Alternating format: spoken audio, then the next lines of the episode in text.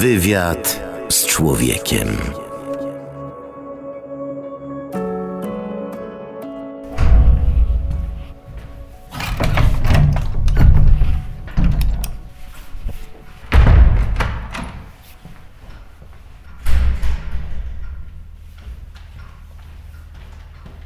Jestem, proszę Państwa, teraz na ulicy Rakowieckiej w więzieniu. Dziś to jest muzeum, kiedyś to było więzienie jeszcze sięgające czasów carskich, a potem ośrodek intensywnego działania Urzędu Bezpieczeństwa. No i oczywiście osadzenia bardzo wielu więźniów. Tutaj były wyroki śmierci więźniów politycznych związanych z Armią Krajową i organizacjami niepodległościowymi, winy i innymi, a potem miejsce osadzenia bardzo wielu przedstawicieli opozycji Solidarności, Koru, tych, którzy po prostu chcieli, żeby Polska była wolna. Ostatnio trwała dyskusja związana z dokumentami SB, wytworzonymi przez SB dotyczącymi Kościoła. Dyrektorem Muzeum Żołnierzy Wyklętych i Więźniów Politycznych PRL jest pan E, profesor, doktor habilitowany Filip Musiał, historyk IPN, specjalista w dziedzinie tematu bezpieki. Mam jego książkę w ręku. Podręcznik Bezpieki, teoria pracy operacyjnej Służby Bezpieczeństwa w świetle wydawnictw resortowych Ministerstwa Spraw Wewnętrznych PRL. Porozmawiamy o tym, czym była bezpieka, a szczególnie o tym, czym był Departament Czwarty który inwigilował y, kościół.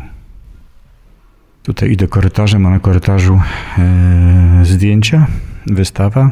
Witold Pilecki tym miejscu był, Antoni Baraniak, biskup. Jarosław Wróblewski, pracownik Muzeum Żołnierzy Wyklętych i Więźniów Politycznych PRL. To jest korytarz, który,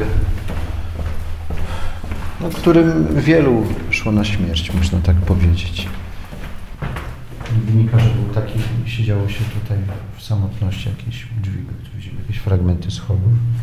No tu mamy karce, gdzie to wszystko jeszcze było, nie, że jakaś hydrofornia tu jest, gdzie stało się w wodzie, e, w odchodach, w zimnie, jakieś okienko jest.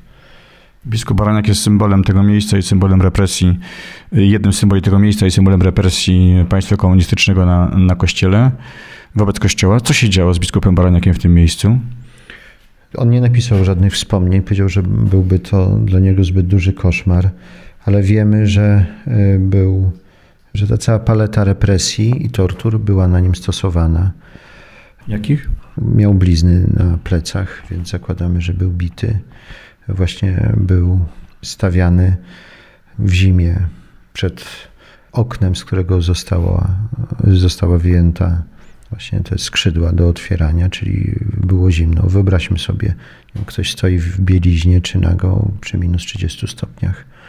Ile to można wytrzymać? E, miał awersję do zastrzyku, więc stosowano na nim e, jakieś metody właśnie takie chemiczne, mm, myślę, które człowieka gdzieś otumaniają, ogłupiają. No, to był stosowany też na biskupie e, Czesławie Kaczmarku. Powiedział, że robili wtedy ze mną co chcieli. Nie? No tutaj mokry karcer. Myślę, że to jest takie, że człowiek jest doprowadzany do ostateczności. Wchodzi w jakieś nawet sześciogodzinne przesłuchania, na przykład jedno, drugie, następnego dnia. Człowiek już coś mamrocze, jest w jakiejś takiej malignie, a to jest wszystko jest spisywane. Tu były takie metody przypalania, wyrywania włosów, głodzenie, no takie udręki, y, myślę, które dają człowiekowi całkowitą taką izolację, że on się czuje samotny, czuje się niepotrzebny, czuje się opuszczony. No tak wyobraźmy sobie, że jest tutaj ciemno, jest mokro, jest zimno i taki człowiek jest sam, nie wie co będzie za chwilę, czy będzie znowu bity po raz kolejny można powiedzieć, że się odechciewa żyć. Nie? Biskup Antoni Baraniak trafił tutaj po aresztowaniu kardynała Stefana Wyszyńskiego. Czego od niego chcieli? Obciążyć prymasa, zdeprecjonować, zrobić z niego agenta obcego wywiadu, zrobić jego wroga Polski, ośmieszyć, y, żeby zrobić duży propagandowy proces. To nie udało się. Nie udało się. Takie procesy były i w Czechosłowacji i na Węgrzech. A tutaj biskup Baraniak, właśnie na czym polegała jego siła? On podjął tutaj decyzję, że może oddać życie za Kościół, za, za Pana Jezusa i myślę, że to było jego siłą, że doszedł do tego momentu, który dla wielu jest trudny i nieprzekraczalny, bo człowiek ma bardzo duże pokłady samoobrony w sobie. A on podjął tą decyzję, puścił jakby to życie, nie? że to już należy do Boga. W latach 70., 60., 70., 80. Kościół był inwigilowany i represjonowany w inny sposób, bez takich brutalnych metod, poza pewnymi przypadkami. Natomiast e, ciągle był bardzo niewygodny i y, dla, dla systemu komunistycznego. W ostatnim czasie powróciły nam, nie wiem czy demony, czy czarne chmury z przeszłości, trochę w postaci dyskusji o Janie Pawle II i o innych kontekstach PRL-u. Wyciągnięto dokumenty, czytano te dokumenty, czasem ze zrozumieniem, dużo częściej bez zrozumienia, dlatego może warto przyjrzeć się bliżej. Jestem teraz w tym momencie w dawnych murach więzienia przy ulicy Rakowieckiej, które posiada długą historię jeszcze czasów carskich, więc to niesłychane miejsce, ale być może właśnie stąd będzie lepiej słychać te treści, o których chcemy dziś mówić. A ja jestem w gościach u pana dyrektora tegoż właśnie muzeum, pana doktora habilitowanego Filipa Musiała. Witam serdecznie. Dzień dobry. Chciałbym dziś porozmawiać o Departamencie Czwartym, czyli o tym, który zajmował się kościołem. Można by taką szybką mapę w ogóle roztoczyć, bo żeby to państwo komunistyczne funkcjonowało, to musiało mieć świetny aparat kontroli. Jak on wyglądał w tamtych czasach? SB czy UB wcześniej? Trzeba by zacząć od początku, to znaczy musimy zdać sobie sprawę z tego, że tak jak e, władza komunistyczna w Polsce pojałtańskiej była e, uzurpatorską administracją narzuconą przez Moskwę, tak jednym z narzędzi, głównych narzędzi działania tej władzy był e, aparat represji, nazywany czasem aparatem bezpieczeństwa, który był tworzony początkowo właśnie na wzorcach sowieckich i przez Sowietów szkolony. Pierwsza grupa funkcjonariuszy późniejszego Urzędu Bezpieczeństwa będzie szkolona w e, szkole NKWD w Kujbyszewie i później przerzucona na teren Polski po to, aby tutaj budować struktury i resortu bezpieczeństwa publicznego, późniejszego Ministerstwa Bezpieczeństwa i mm, struktury e, tego resortu w terenie, a więc urzędy e, wojewódzkie i powiatowe. I musimy w związku z tym, patrząc na komunistyczny aparat represji, mieć zawsze gdzieś z tyłu głowy po pierwsze to przekonanie, że jest to struktura, że są to funkcjonariusze, którzy gdzieś u swoich mieli te szkolenia sowieckie, a później byli poddawani szkoleniom sowieckim do 1989 roku. Z drugiej strony musimy pamiętać, że ten aparat był e, bieżąco monitorowany i kontrolowany przez służby sowieckie do odwilży. To była bezpośrednia obecność funkcjonariuszy NKWD, którzy funkcjonowali w Ministerstwie Bezpieczeństwa Publicznego, w urzędach wojewódzkich, w urzędach powiatowych, jako na początku ich nazywano tak zwani instruktorzy, a później mówiono o nich jako o doradcach. W żargonie e, nazywano ich po prostu sowietnikami, czyli specjalnie funkcjonariusze NKWD przydzieleni do polskiej bezpieki po to, aby z jednej strony ją nadzorować, z drugiej strony często wytyczać kierunki działań operacyjnych czy śledczych, ale także z tym zadaniem szkoleniowym, czyli żeby te bardzo często źle wykształcone kadry ubeckie e, szkolić, e, mówiąc żargonem bezpieki, w robocie operacyjnej. Bezpieka początkowo znajduje się w cieniu służb sowieckich. Teraz jaka jest rola tego aparatu represji? Po pierwsze, jest narzędziem, który Mm, umożliwia komunistom przejęcie władzy w Polsce w pierwszym okresie, a w kolejnych latach jest narzędziem, które pozwala tą władzę utrzymać, a więc jest narzędziem do kontroli operacyjnej, a gdy trzeba także do e, pacyfikacji społeczeństwa. I bezpieka e, będzie interesowała się wszystkim, co mogłoby władzy komunistycznej e, zagrażać. W tym zbiorze potencjalnych zagrożeń jedną z kluczowych kwestii, którymi bezpieka będzie się zajmowała od samego początku, od 1944 roku, będą kościoły i związki wyznaniowe, ale przede wszystkim Kościół katolicki. Po likwidacji jawnej opozycji, Kościół katolicki pozostaje w skali ogólnopolskiej właściwie jedyną strukturą e, instytucjonalną, która jest w stanie sprzeciwiać się komunizmowi, a sami komuniści mają też świadomość tego, że znajdują się w bardzo trudnym położeniu, bowiem w konsekwencji Holokaustu, przesunięć granic, strat wojennych mamy do czynienia z sytuacją, w której po 1944-1945 roku Polska Ludowa, Polska Pojałtańska staje się państwem niemal jednolitym narodowościowo, ale także państwem, w którym ponad 90% obywateli deklaruje się początkowo jako wyznawcy religii katolickiej. Stąd komuniści mają tą świadomość, że działają na terenie obcym. Kardynał Stefan Wyszyński prowadzi dramatyczną, nie wiem czy grę, pewnego rodzaju dialog z państwem komunistycznym. Tak czy inaczej i tak trafia w końcu do więzienia. Kardynał Stefan Wyszyński opuszcza te ośrodki internowania, potem jest milenium. Jest też triumfem Kościoła w jakimś sensie. Te represje są słabsze, ale kontrola rośnie. Kiedy UB zamienia się na SB, bo być może warto od czasów SB ten temat omawiać. Odwilż jest tym punktem przełomowym, a więc e, przełom roku 56 i 57 to czas, w którym Komitet do Spraw Bezpieczeństwa Publicznego, bo tak wtedy się będzie nazywał, zostaje zlikwidowany, a w strukturach Ministerstwa Spraw Wewnętrznych powołana zostaje e, Służba Bezpieczeństwa.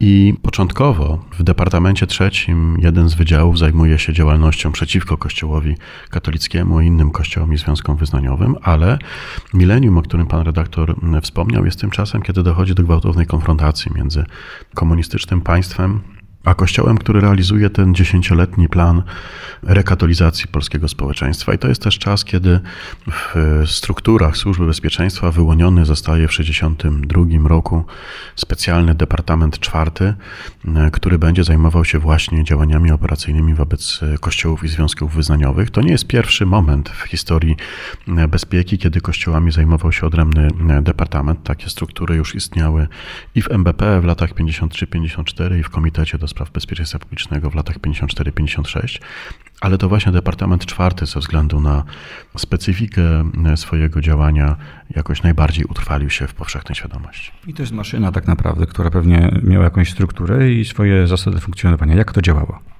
To jest e, skomplikowana maszyna, której celem jest infiltrowanie całości życia religijnego, może inaczej, całości życia kościelnego w Polsce Ludowej.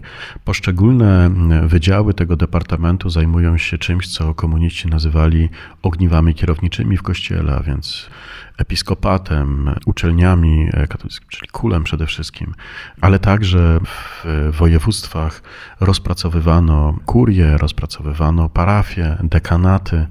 Jednocześnie mamy też wydział, który zajmuje się laikatem katolickim, ale to głównie na duchownych ta uwaga jest zwrócona i dość podkreślić, że z początkiem lat 60.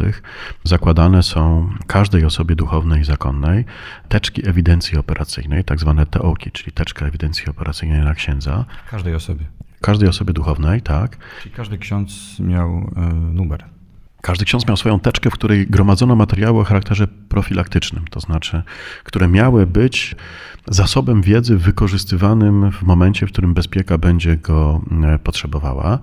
I jednocześnie podobne teczki ewidencji, a więc też działania operacyjne o charakterze e, takim profilaktycznym są zakładane każdej parafii, czyli tak zwane teczki ewidencji operacyjnej na parafię.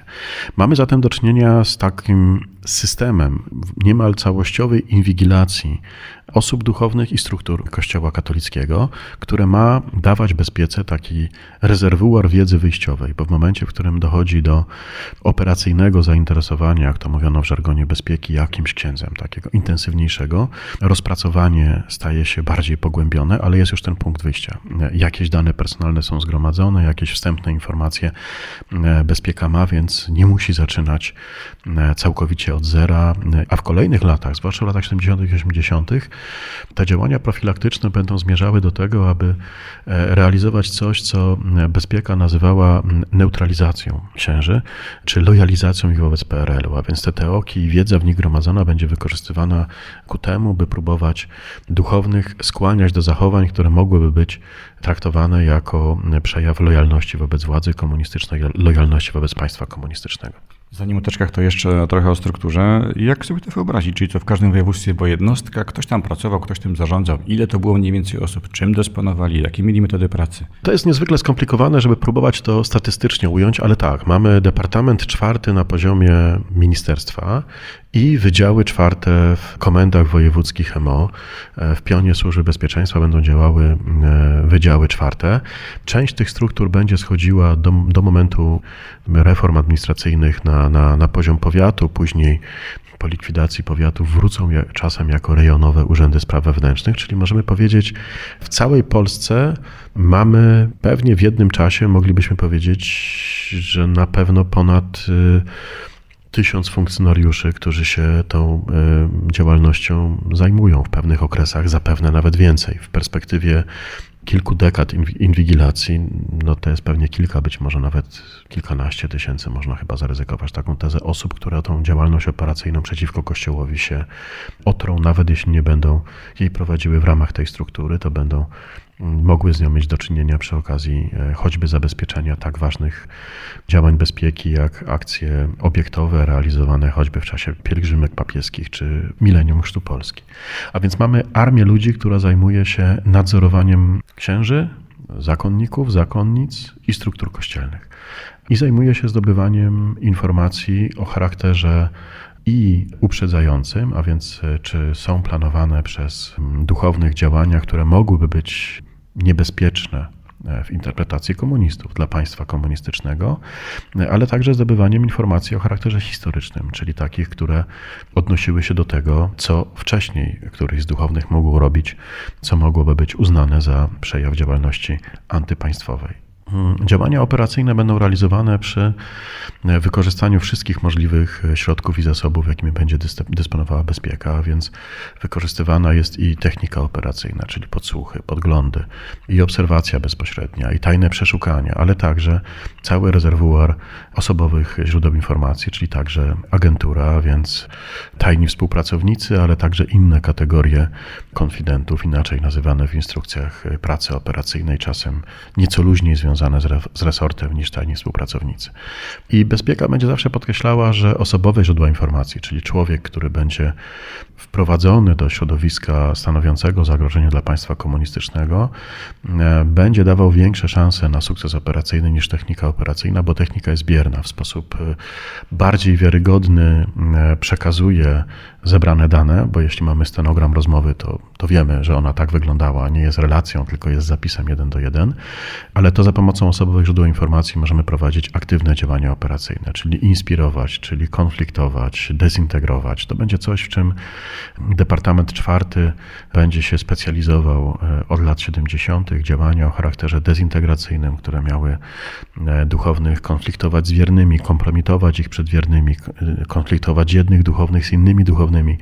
Cała paleta różnego rodzaju działań od anonimów, przestrzeżenie plotek, po wydawanie przez bezpiekę periodyków, które udawały periodyki kościelne, aż po działania twarde, czyli pobicia przez nieznanych sprawców czy morderstwa. To funkcjonariusze pionu D byli przecież odpowiedzialni za zabójstwo m.in. księdza Jerzego Popiełuszki.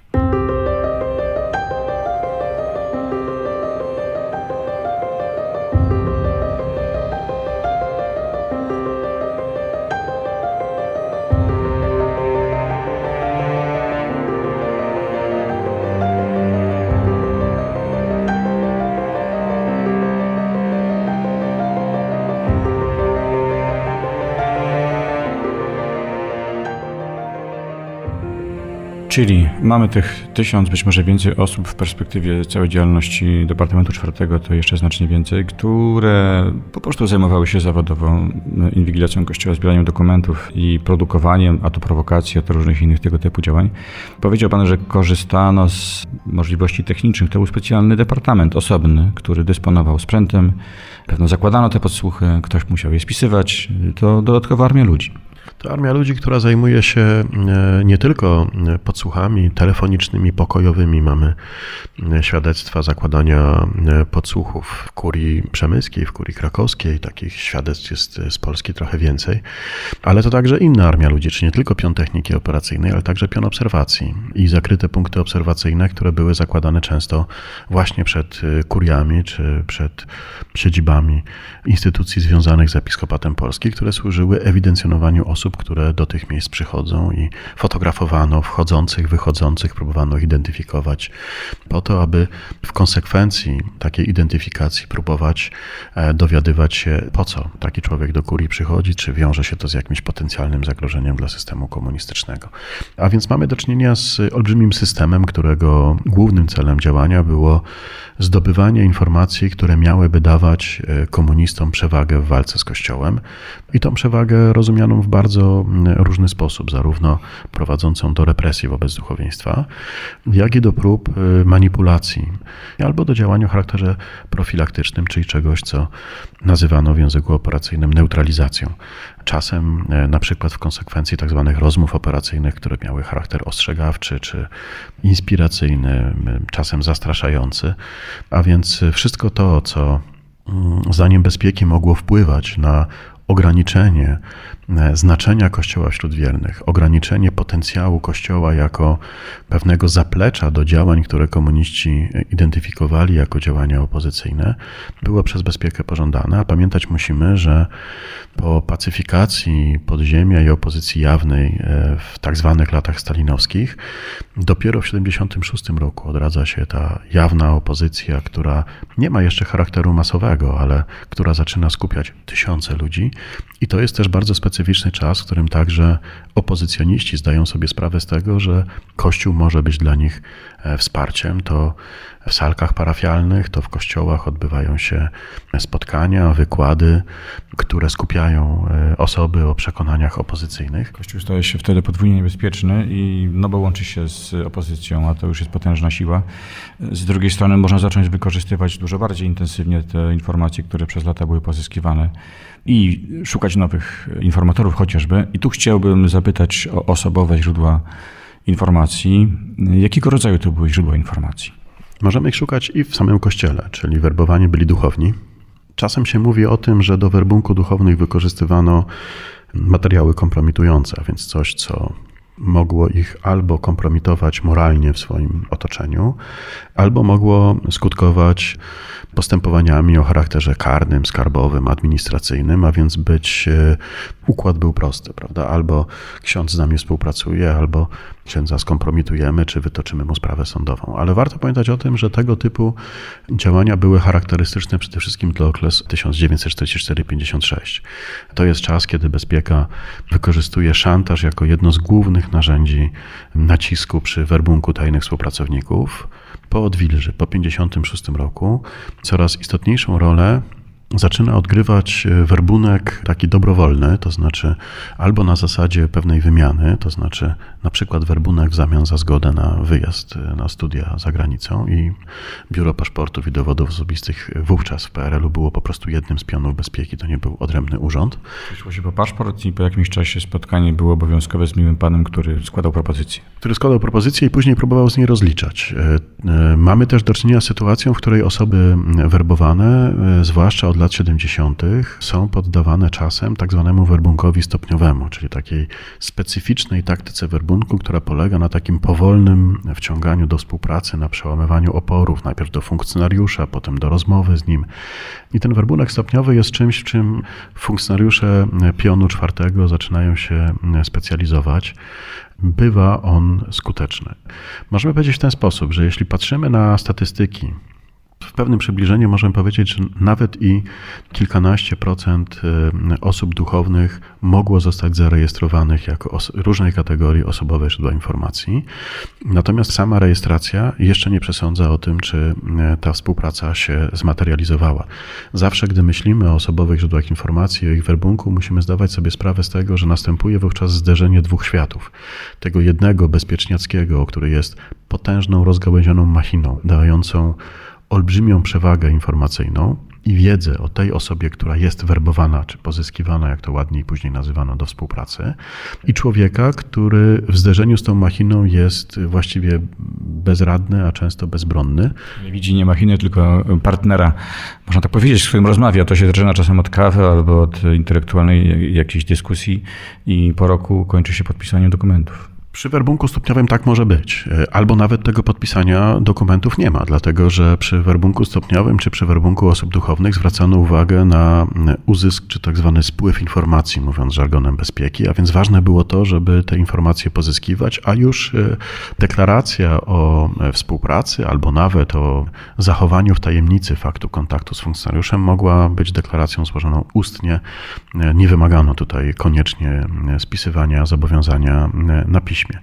A więc mamy do czynienia z sytuacją, w której do rozpracowania Kościoła wykorzystywani są duchowni, w różny sposób werbowani do współpracy, ale także laikat. Te osoby, które jakąś pozycję w Kościele mają, lub przynajmniej są w stanie dostarczać informacji. Oczywiście mamy bardzo różne typy współpracowników. Mamy takich, którzy po prostu zbierają jakieś dane na polecenie bezpieki i je przekazują, ale mamy też takich, którzy stają się e, swoistymi agentami wpływu, którzy manipulują środowiskiem kościelnym, którzy są wykorzystywani do bardziej skomplikowanych działań operacyjnych, które mają wywołać e, oczekiwany przez bezpiekę efekt, czyli to, o czym mówiliśmy, konfliktować środowisko, wprowadzać je w błąd, zastraszać. Wszystko to, co będzie sprawiało, że dane środowisko duchownych będzie w większym stopniu pogrążone w jakichś sporach, sferach wewnętrznych, w większym stopniu będzie koncentrowało się na sobie niż na e, świecie zewnętrznym, było dla bezpieki e, pożądane, bo było traktowane jako element neutralizacji działalności Kościoła.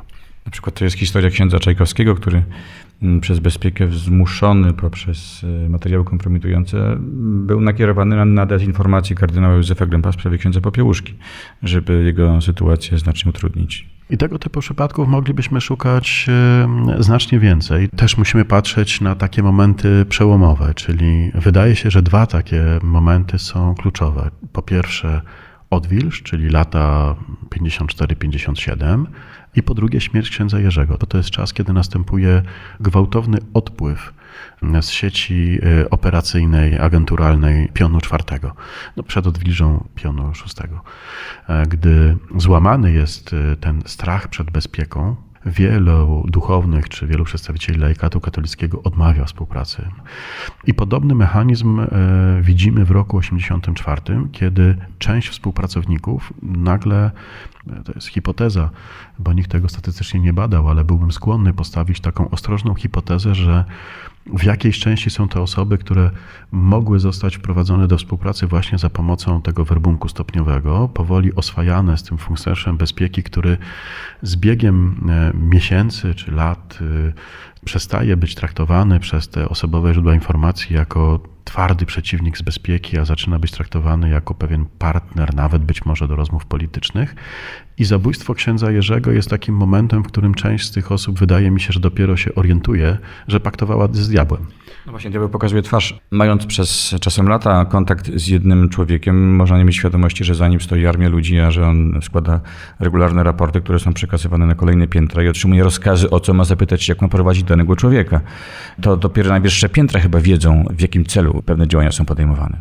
Znaczy z jednej strony mamy tą perspektywę mm, funkcjonariuszy służby bezpieczeństwa, którzy są narzędziami swoich przełożonych. I rzeczywiście jest tak, że e, wytyczne do działalności przeciwko Kościołowi powstają, u, jak to się mówi w tym języku badaczy aparatu represji u dysponenta politycznego, czyli w partii komunistycznej. Później są przekazywane na poziom ministerstwa, z ministerstwa zrzucane na poziom departamentów i z departamentów w dół na poziom e, wydziałów w województwach. I rzeczywiście funkcjonariusz, który realizuje działania operacyjne gdzieś w terenie, jest wykonawcą tej woli partii komunistycznej, ale przefiltrowanej przez te kilka pięter decydentów e, w, samym, w samej służbie bezpieczeństwa.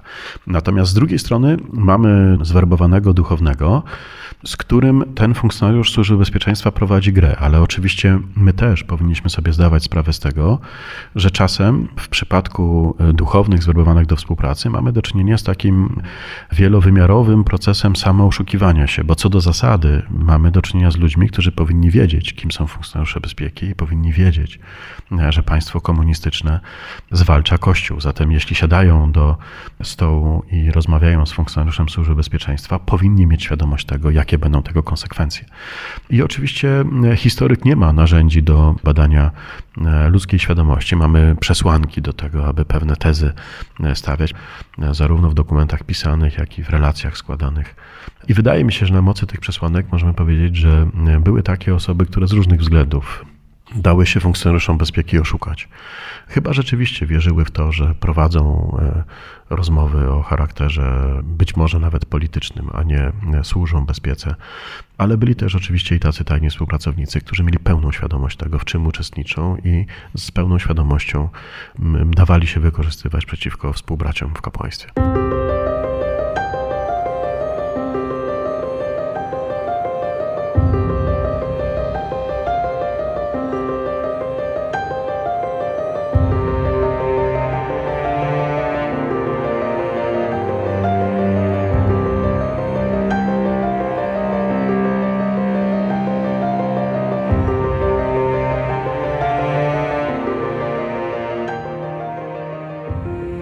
Rozmowy były często bardzo inteligentne i można wyczytać e, z nich no, głębokie przygotowanie merytoryczne. Jeden z księży, który był historykiem sztuki, dostał rozmówcę, który świetnie znał się na tym, e, na czym on się znał i mówili o filozofii antycznej, chociażby, a przy okazji omawiali kwestie kurialne. Natomiast faktycznie po śmierci księdza Popiełuszki następuje pęknięcie, bo choćby ksiądz Czajkowski rzuca papierami, mówi natychmiast odmawiam współpracę. I teraz sobie zdajemy sprawę, że te wszystkie piętra produkowały połączone numerami, sygnaturami, obiegiem dokumenty, które szły w miliony, w dziesiątki milionów. Jak sobie to w ogóle wyobrazić? To jest e, trudne do wyobrażenia, bo e, jeśli zdamy sobie sprawę z tego, jak rozbudowane były struktury nie tylko pionu czwartego, ale w ogóle służby bezpieczeństwa, to zdamy sobie sprawę z tego, że mówimy o dziesiątkach, setkach kilometrów bieżących akt, które są gromadzone w skali ogólnopolskiej. I to powoduje, że w pewnym momencie sama bezpieka ma problem E, ze zgromadzonymi informacjami, bo realizując tą funkcję informacyjną, czyli gromadząc dane, przestaje być zdolna do ich analizy. Zaczynają od lat 60. powstawać komórki o charakterze analitycznym, które mają tworzyć pewne e, modele czy wychwytywać pewne tendencje w działaniach Kościoła, które na pierwszy rzut oka toną w tym morzu danych. To daje jakiś efekt. Przełom lat 70. i 80. to jest czas, kiedy bezpieka zwolna zaczyna wchodzić w erę cyfrową i te meldunki zaczynają obieg swój już w tym systemie elektronicznym. Różnego rodzaju zagrożenia zyskują własne numery i to pozwala z większą precyzją selekcjonować dane wynikające e, z informacji zbieranych przez bezpiekę. E, z jednej strony e, jest ten skomplikowany, rozgałęziony system, czy wręcz cały świat gromadzący dane o duchowieństwie, a z drugiej strony są duchowni, którzy są poprzez informacje wynikające z tych danych poddawani różnego rodzaju działaniom operacyjnym. I teraz co do zasady, musimy patrzeć na ten zasób zebrany przez Służbę Bezpieczeństwa jako e, dokumenty wiarygodne. To znaczy od dekad e, historycy wykorzystują źródła policyjne do swoich badań, od tam carskiej ochrany przez e, źródła policyjne właściwie na całym świecie, nie, międzywojennej defy. No właśnie, bo to się mówi, to są kłamstwa, esbeckie dokumenty. Nie, musimy rozróżnić dwie rzeczy. To znaczy, to, że mamy do czynienia z wiarygodnymi źródłami, nie oznacza, że każda informacja zapisana w tych źródłach musi być wiarygodna. Bo mamy do czynienia z donosem tajnego współpracownika. Możemy sobie to tak wyobrazić, prawda? Jest donos tajnego współpracownika, który przekazuje informacje jakimś duchownym. I to, że sam donos jest wiarygodny, to, że ten donos nas informuje o relacji, jaka łączyła tego tajnego współpracownika ze służbą bezpieczeństwa, czyli jest dowodem na to, że ten człowiek był osobowym źródłem informacji, nie musi jeszcze oznaczać, że każda zebrana przez niego dla bezpieki i przekazana bezpiece informacja jest prawdziwa. Możemy mieć do czynienia ze skrajnym przypadkiem takim, w którym osobowe źródło informacji chce świadomie wprowadzać bezpiekę w błąd. Takie rzeczy się zdarzały, choć najczęściej były przez bezpiekę wychwytywane ale najczęściej możemy mieć do czynienia z różnego rodzaju nieświadomymi wypaczeniami informacji, to znaczy mamy do czynienia z sytuacją, w której człowiek przekazuje informacje przez siebie zasłyszane, czasem niesprawdzone plotki. E, dlatego każde tego typu źródło należy weryfikować. W przypadku tak wielkiej masy dokumentów zebranych przez Urząd i Służbę Bezpieczeństwa jesteśmy w dobrej sytuacji jako historycy, to znaczy, że część tych danych jesteśmy w stanie weryfikować o sam zasób ubecki, to znaczy dane z jednego donosu można weryfikować w oparciu o inne donosy, o materiały z techniki operacyjnej, z obserwacji, ale czasem do tej weryfikacji potrzeba sięgnięcia do innych źródeł, choćby do archiwów kościelnych czy e, zbiorów prywatnych. Zresztą było chyba tak, że mm, był też wewnętrzny system kontroli wiarygodności. Zawsze jest opiniowanie, czy to zeznanie, czy ta wskazówka podana jest wiarygodna, czy nie. Jeśli jest niewiarygodna, po prostu z tym człowiekiem nie współpracowano. Tak? E, ten wewnętrzny system był nastawiony przede wszystkim na to, czego lęka się każda tajna służba i służba bezpieczeństwa nie była w tym odosobniona, a mianowicie lęk przed właśnie świadomą dezinformacją, przed tym, że ktoś mm, e, wciąga bezpiekę do gry operacyjnej, w której to bezpieka staje się przedmiotem, a nie podmiotem.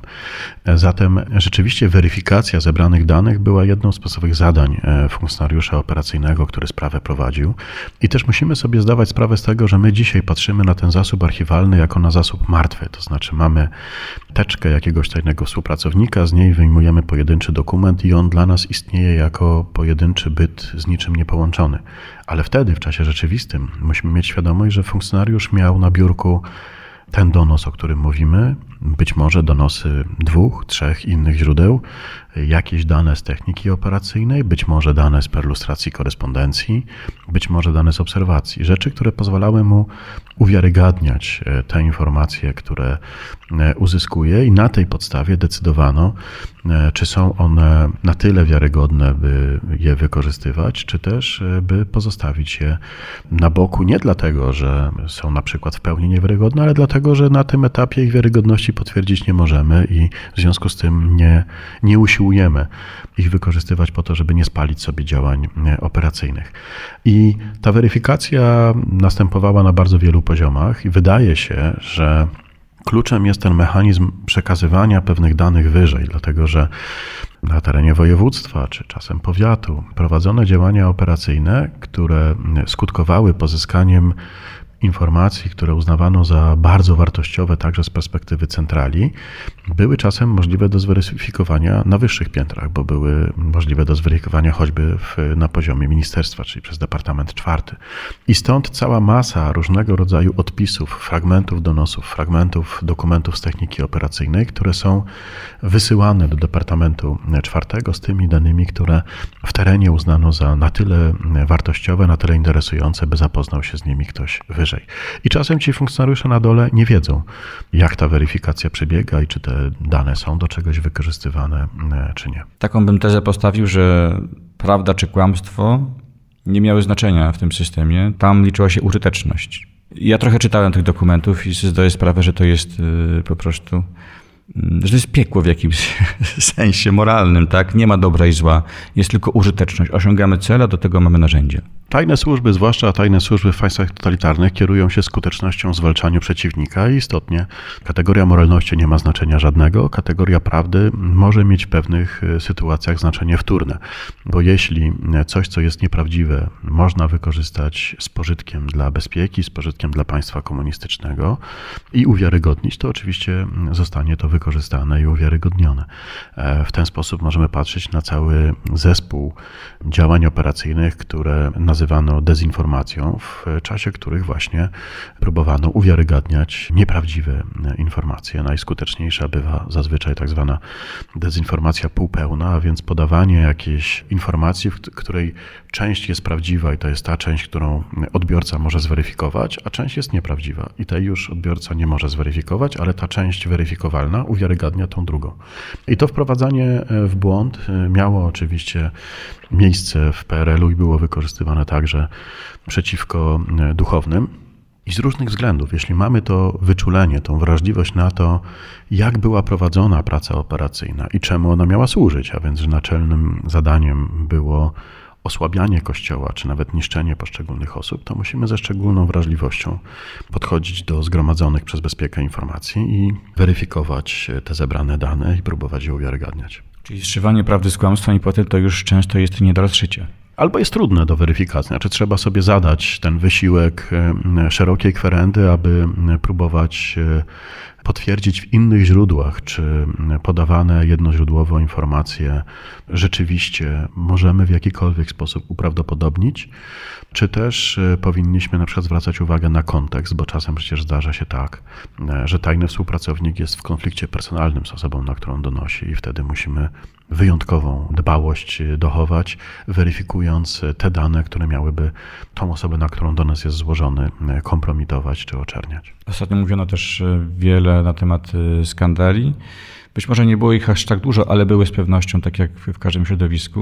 Ja sobie zdałem sprawę, że to jest wyjątkowo delikatna i dramatyczna sytuacja, ponieważ osoba duchowna, która jest autorem pewnego rodzaju skandalu, szczególnie obyczajowego, po denuncjacji błyskawicznie staje się przedmiotem zainteresowania bezpieki i potencjalnie już jest stanie współpracownikiem. Tak, musimy pamiętać o tym, że, że rzeczywiście kompromitacja moralna, czy zagrożenie tą kompromitacją było jednym z narzędzi wykorzystywanych przez bezpiekę do werbunku, ale mogło być tego typu informacje wykorzystywane do publicznej kompromitacji duchownych, jeśli taki był cel operacyjny. I zdawać sobie musimy sprawę z tego, że rzeczywiście bezpieka będzie przykładała dużą wagę do tego, aby tego typu dane gromadzić, weryfikować i w miarę możliwości e, wykorzystywać, bo, bo były one pierwszorzędnym e, narzędziem, które można było przeciwko Kościołowi duchownym wykorzystać.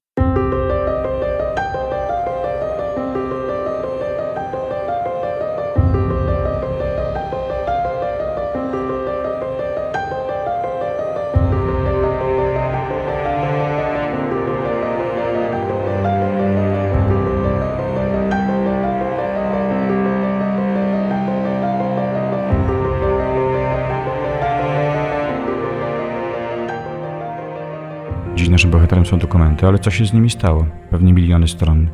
Do naszych czasów dotrwał jaki procent, jeśli chodzi o Departament Czwarty? Tego nie wiemy, ale nie jesteśmy w stanie oszacować, e, jaki procent dotrwał. Natomiast co do zasady możemy powiedzieć, że w 89 i na początku 90 roku zniszczono właściwie niemal wszystkie te oki, a więc te sprawy profilaktyczne. Zniszczono także znaczącą część prowadzonych spraw operacyjnych, tak zwanych e, obiektowych także, a więc tych, które były ukierunkowane na struktury czy na wydarzenia. Co do zasady, logika niszczenia tych akt była taka, że przede wszystkim niszczono poza oczywiście te sprawy, które były czynne, a więc te, które były prowadzone. Dlatego jeśli patrzymy na dokumentację dotyczącą działań operacyjnych wobec Kościoła katolickiego, to paradoksalnie e, jest ona najbogatsza i najpełniejsza dla tych najwcześniejszych lat, czyli dla lat 40., 50., czasem 60., a już lata 70., a zwłaszcza 80., ta dokumentacja jest e, niezwykle poszatkowana, wybrakowana, poniszczona. Dlaczego? Dlatego, że e, traktowano ją e, w czasie przełomu ustrojowego w roku 1989 jako coś, co mogło być materiałem kompromitującym służbę bezpieczeństwa. Więc dla własnego bezpieczeństwa funkcjonariusze przeprowadzali wtedy masowy proces niszczenia akt, który miał uchronić ich przed odpowiedzialnością za działania operacyjne wobec opozycji, wobec Kościoła, czasem za działania, które przecież łamały nawet PRL-owskie prawo. Pamiętajmy o tym, że Przełom roku 89 był czasem, w którym nikt nie wiedział, w którą stronę ta sytuacja się rozwinie. Komuniści mieli nadzieję, że odzyskają inicjatywę. Początkowo w ogóle sądzili, że jej nigdy nie stracą, później mieli nadzieję, że ją odzyskają, a w pewnym momencie nie było wiadomo, jak szybko i w którą stronę ten proces demokratyzacji się potoczy i jakie będą konsekwencje zmian politycznych, które wówczas w 1989 roku i w kolejnych miesiącach i latach zachodziły. A więc proces niszczenia akt miał być czymś, co miało zabezpieczyć bezpiekę i partię komunistyczną przed potencjalną odpowiedzialnością za prowadzone działania operacyjne i prowadzone działania bezprawne, bo przecież e, zabójstwa opozycjonistów czy duchownych, czy ich e, pobicia przez tak zwanych nieznanych sprawców e, były czymś, co, co było po prostu przestępstwem. Ta potężna administracja miała też swoje ręce wykonawcze i do tych rąk wykonawczych należała między innymi, czy też może wyłącznie, nie wiem, grupa D, czyli specjaliści, którzy zajmowali się po prostu działaniami, między innymi pracowali z księdzem Jerzym Popiełuszką, jeśli można tego eufemizmu użyć.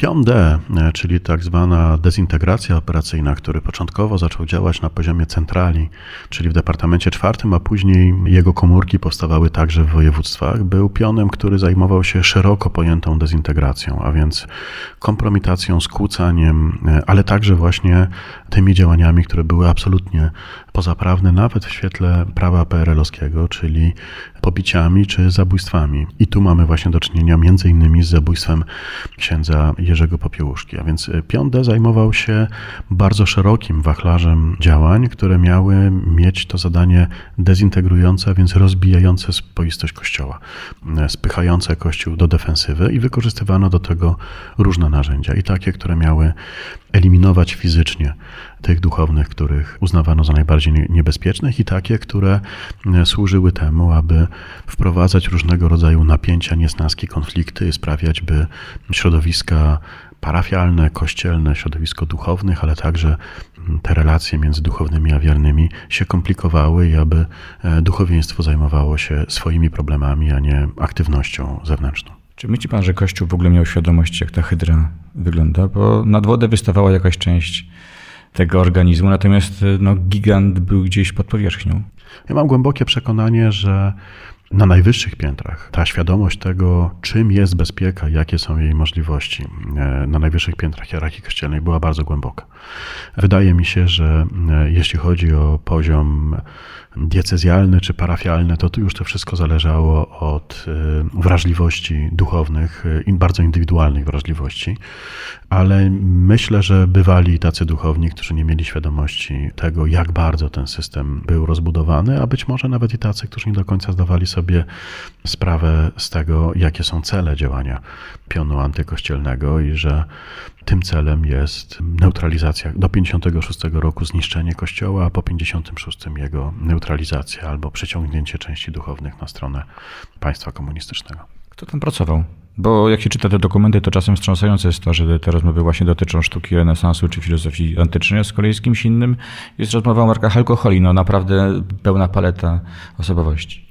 To jest bardzo skomplikowane pytanie, na które nie ma jednoznacznej odpowiedzi. Znaczy, co do zasady moglibyśmy powiedzieć, że do odwilży, do 1956 roku, znacząca część funkcjonariuszy operacyjnych, także tych, którzy pracują w tych pionach antykościelnych, to są jednak ludzie o dość niskim wykształceniu, dobierani klasowo, a więc e, z tego klucza klasowego typowo marksistowskiego. Natomiast e, z biegiem lat bezpieka zdaje sobie sprawę, że skuteczna praca operacyjna wymaga ludzi na pewnym poziomie, stąd lata 60. to czas, kiedy starych funkcjonariuszy zmusza się do uzupełniania wykształcenia, robienia nawet wieczorowo matury. Jednocześnie przełom lat 60. i 70. to czas, kiedy do bezpieki przyjmowani są właściwie już tylko ludzie po studiach, jeśli chodzi o piony operacyjne. W departamencie czwartym, czy w pionach, e, tych, czy w pionach czwartych w terenie, coraz częściej zaczynają istotną rolę odgrywać ludzie, którzy są e, dobrze wykształceni, ale czasem, i to jest najbardziej niebezpieczne dla Kościoła, trafiają do tego pionu także osoby, które choćby przez chwilę były na przykład w seminariach duchownych, albo eksksięża, albo osoby, które z różnych powodów e, były kiedyś związane z Kościołem, a e, potem przeszły na tą drugą stronę i wspierały działalność komunistycznej bezpieki. Więc mamy rzeczywiście do czynienia, zwłaszcza wydaje mi się w latach 70. i 80., jeśli mówimy o masach, bo oczywiście e, pewne wybrane e, sylwetki możliby, takich bardzo sprawnych funkcjonariuszy, błyskotliwych, gruntownie wykształconych, e, moglibyśmy wskazywać od roku 1944. Choćby osławiona Julia Brystygierowa, która między innymi działaniami przeciwko Kościołowi się zajmowała, przecież to była bardzo dobrze wykształcona postać. Ale w masie funkcjonariuszy Służby Bezpieczeństwa ten przełom w moim przekonaniu to jest połowa albo druga połowa lat 60. i lata 70. i 80. to czas, kiedy funkcjonariusze operacyjni naprawdę zaczynają, jeśli chodzi o taką ogólną wiedzę, prezentować zupełnie inny poziom niż ich poprzednicy z lat 40. i 50. W 82 powstaje chyba elitarna jednostka, czyli Biuro Analiz które zajmuje się rozpracowaniem tych ogniw kierowniczych opozycji i to jest no, taka elita, moglibyśmy powiedzieć, wśród funkcjonariuszy SB w założeniu. Skuteczna wydaje się w, w działaniach. Jej powołanie wtedy ma znaczenie proste albo wynika z przesłanek dość oczywistych. Powstanie Niezależnego Samorządnego Związku Zawodowego Solidarność, który będzie skupiał ponad 9 milionów, jak się szacuje, zwolenników, jest czasem, w którym kontrola operacyjna nad taką masą ludzi jest właściwie niemożliwa. Stąd e, próba przejęcia przez bezpiekę inicjatywy poprzez e, koncentrowanie się na punktowym rozpracowaniu ogniw kierowniczych i poprzez nie opanowania operacyjnego całego związku, co się nie udaje, stąd powrót do takich represji masowych, czyli e, wprowadzenie stanu wojennego. Często opozycja współpracowała z Kościołem i to było wyjątkowo trudne pewnie dla mm, wszystkich systemów kontroli, ponieważ uruchamiało jednostki naraz. One musiały kooperować. Natomiast co pan myśli o tej aktualnej dyskusji dotyczącej e, dokumentów? Mówi się dokumenty SB. Ja myślę, że tej dyskusji trochę brakuje takiego szerszego kontekstu i namysłu. To znaczy, jestem przekonany, że o źródłach e, służby bezpieczeństwa rozmawiamy już od ponad 20 lat. Pojawiają się one w przestrzeni publicznej, czy informacje z nich wynikające już od początku lat 90., ale w sposób bardziej metodyczny pochylamy się nad tym zasobem od roku 2000, od momentu, kiedy powstał Instytut Pamięci Narodowej. I czasem mam wrażenie, że ten e, ponad 20-letni dorobek e, źródłoznawczy, nie tylko wypracowany przez Instytut, ale także przez osoby, które badały te źródła poza Instytutem, nie jest wykorzystywany w dzisiejszej e, działalności, tej, którą nazwałbym działalnością publicystyczną. Myślę, że tym postulatem, który należało postawić, jest e, rzetelna analiza e, źródeł i odnoszenie się do całościowego stanu badań i kontekstowe badanie tych dokumentów. Spędził Pan wiele lat na badaniu tych dokumentów. To też Myślę, czasem jest trudna lektura. Ja sam pewien czas spędziłem na wertowaniu dokumentów bezpieki i miałem poczucie, jakbym za każdym razem wchodził do kotła ze smołą. Może nie chodzi o piekło, ale chodzi o pewien rodzaj właśnie braku moralności. Jak pan daje radę i czemu w ogóle się pan tym zajmuje? W ciągu tych dwudziestu paru lat y, prowadzenia badań naukowych y, zajmowałem się i wojskowym sądownictwem rejonowym, i działaniami przeciwko Kościołowi, i ostatnio teorią pracy operacyjnej w tych ostatnich kilkunastu latach. I myślę, że w każdej z tych sfer klucz jest jeden, i myślę, y, że tak chyba postępują inni koledzy historycy, to znaczy wyjaśnianie historii, które dotąd były niedostatecznie wyjaśnione albo niedostatecznie opisane. Zasób pozostały po służbie bezpieczeństwa daje nam nieprawdopodobną szansę wniknięcia za kulisy tego, co działo się w PRL-u.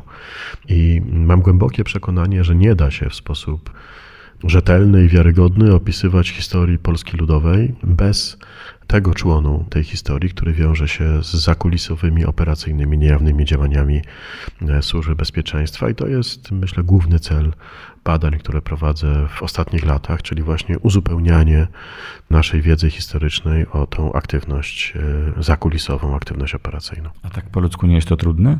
Bardzo często jest, dlatego że e, znaczącą część publikacji poświęcam historii regionalnej, a więc temu, w jaki sposób bezpieka działała w Małopolsce. I pewnie jak e, każdy regionalista oznacza to, że dotykam spraw, przypadków osób, które czasem znam z opowieści, a czasem znam bezpośrednio. I myślę, że tego typu przypadki są szczególnie trudne, ale no bez ich zbadania nie będziemy w stanie zbudować pewnego modelu działań operacyjnych, który jest kluczowy dla zrozumienia totalitaryzmu. Jeśli nie zrozumiemy tego, czym była służba bezpieczeństwa, jakie były modele jej działania, nie będziemy w stanie zrozumieć tego, czym była Polska Ludowa i w jaki sposób wpłynęła ona na naszą e, mentalność jako społeczeństwa. Wpłynęła?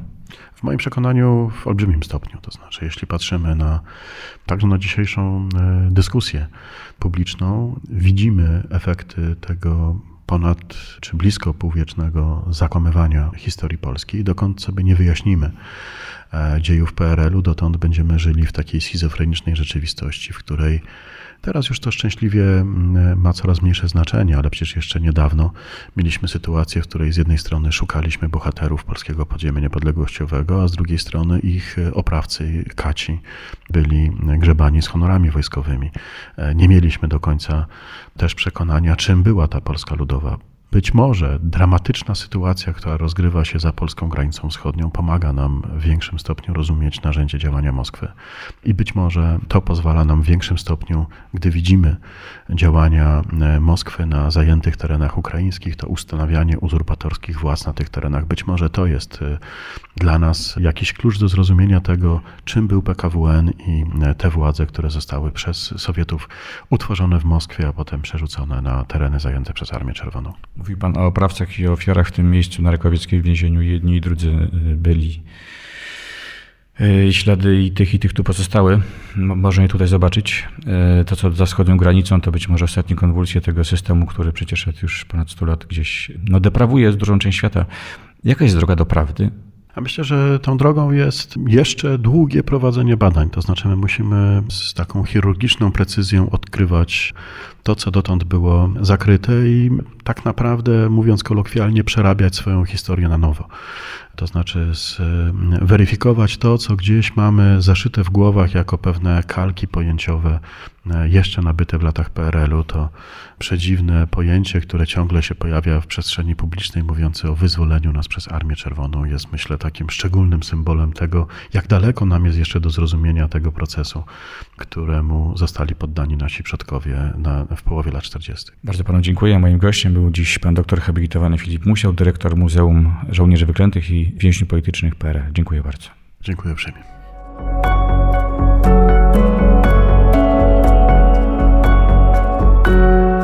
Proszę Państwa, ta audycja miała trochę inny wymiar niż e, dotychczasowe audycje, gdzie były ludzkie historie. No tutaj podeszliśmy do tego tematu problemowo, ale ten temat jest niesłychanie ważny. Przyznam szczerze i osobiście, że z tak zwanymi taczkami od dawna mam wiele wspólnego, ponieważ pracując w Muzeum Księdza Popiełuszki współpracuję też przy projektach badawczych i naukowych i kilkadziesiąt tysięcy stron takich dokumentów SB Departamentu Czwartego przejrzałem. Ta dyskusja, która przetoczyła się ostatnio przez media, dla mnie była bulwersująca, ponieważ rzadko kiedy odnoszono się krytycznie i obiektywnie do tego typu skomplikowanego zasobu, jakim jest zasób dokumentów Służby Bezpieczeństwa. Dlatego właśnie ten temat. Staram się być na czasie, staram się podejmować tematy aktualne i bardzo Państwu dziękuję, bo ta audycja, tak jak i inne ostatnio, powstała dzięki Państwa wsparciu. Drogi program do montażu, godziny nagrań, godziny montażu, opracowanie tego wszystkiego to jest koszt. I dzięki Państwu jest on możliwy do, do uniesienia. W tym momencie w naszej drużynie, bezcennej dla mnie drużynie wspierających wywiad z człowiekiem jest 25 osób. Wszystkim i każdemu z osobna bardzo, bardzo za to dziękuję i zapraszam do współpracy, bo te audycje będą powstawać, jeśli Państwo będziecie tego chcieć. Patronite.pl, hasło wywiad z człowiekiem, albo radiowarszawa.com.pl, audycje wywiad z człowiekiem. Paweł Kęska. Bardzo, bardzo, bardzo dziękuję.